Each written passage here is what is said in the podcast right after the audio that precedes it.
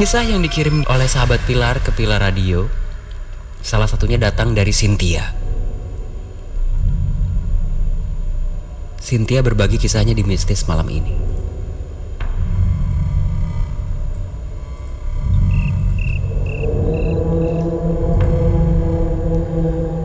Malam itu malam Jumat. Cynthia menerima pesan dari salah seorang sepupunya bernama Mbak Vita. Mbak Vita minta ditemenin di rumah barunya karena sang suami pulang kerja larut malam. Mbak Vita nggak berani sendirian. Dia baru pindah. Mereka adalah pengantin baru yang belum dikaruniai keturunan. Makanya Mbak Vita segera mengirimkan pesan kepada Cynthia untuk menemaninya di malam itu sampai Mas Dion pulang.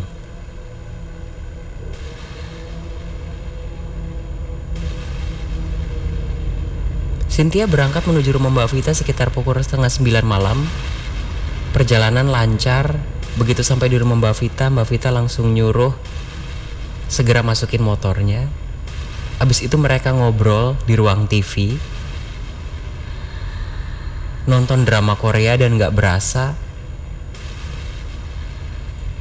waktu pun berlalu.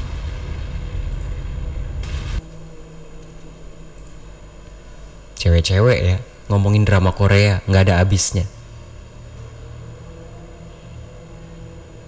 Sampai dramanya kelar, ternyata suami Mbak Vita, Mas Dion, masih belum pulang juga.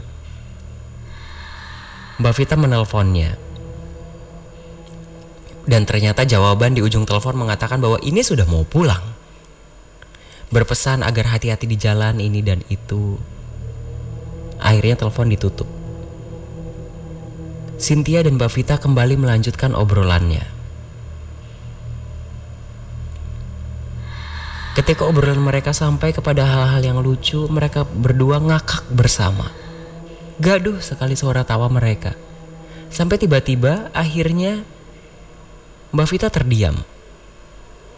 Cynthia juga ikut terdiam. Kemudian Mbak Vita menyuruh Cynthia untuk ngecilin suara TV. Volume TV diturunkan. Ternyata saat itu sudah pukul setengah sebelas malam, setengah dua belas malam, dua tiga tiga puluh.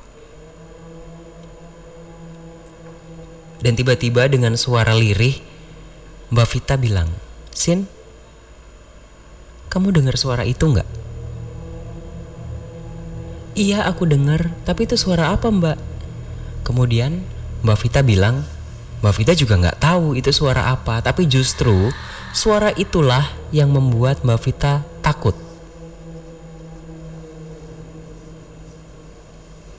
Karena malam Senin lalu, Mbak Vita sedang bersama dengan suaminya di rumah itu juga mendengar suara yang sama. Kalau kata suaminya bilang, suara itu seperti suara dua batu yang diadu. Suaranya keras, mengecil, mengeras lagi, lirih lagi, jauh lagi. Kemudian Cynthia sempat bertanya, Mbak, kalau emang itu suara batu yang diketok-ketokin, lalu siapa yang ngetokin batu hari gini? Gak mungkin kan ada anak-anak kecil mainan sampai tengah malam gini. Kemudian Cynthia dan Mbak Vita mereka menuju ke arah pintu. Ketika mereka mendengar suara dua batu yang diketukan satu sama lain, itu terdengar cukup kencang. Mereka menuju ke arah pintu. Mereka buka pintunya. Tidak ada apa pun di sana. Suara ketukan batu terdengar lagi, dan kemudian mereka menuju ke arah mana suara itu berasal. Dan hal mengejutkan terjadi. Berdua, Cynthia dan Mbak Vita melihat dua buah batu. Memang nampak beradu. Dua batu itu seperti dipegang oleh sepasang tangan, kemudian diketukkan satu sama lain, sehingga menimbulkan suara tuk tuk tuk tuk sosok yang memegangnya tidak terlihat.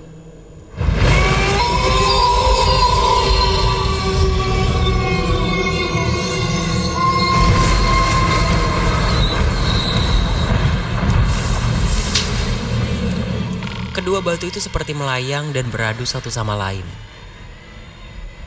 Mereka berdua langsung masuk kembali ke rumah dan ketika suaminya pulang, Mbak Vita langsung menceritakan apa yang dia alami, kemudian meminta pindah dari rumah tersebut. Karena rumah yang ditempati mereka angker. Malam itu, Cynthia tidur di rumah Mbak Vita, tidak pulang. Pagi hari selepas subuh, baru Cynthia berani untuk pulang karena untuk pulang dia harus keluar dari rumah itu harus bersusah payah memarkirkan kembali motornya sementara mengingat kejadian yang dialami di luar rumah itu ketika ada dua batu melayang dan saling mengetuk satu sama lain.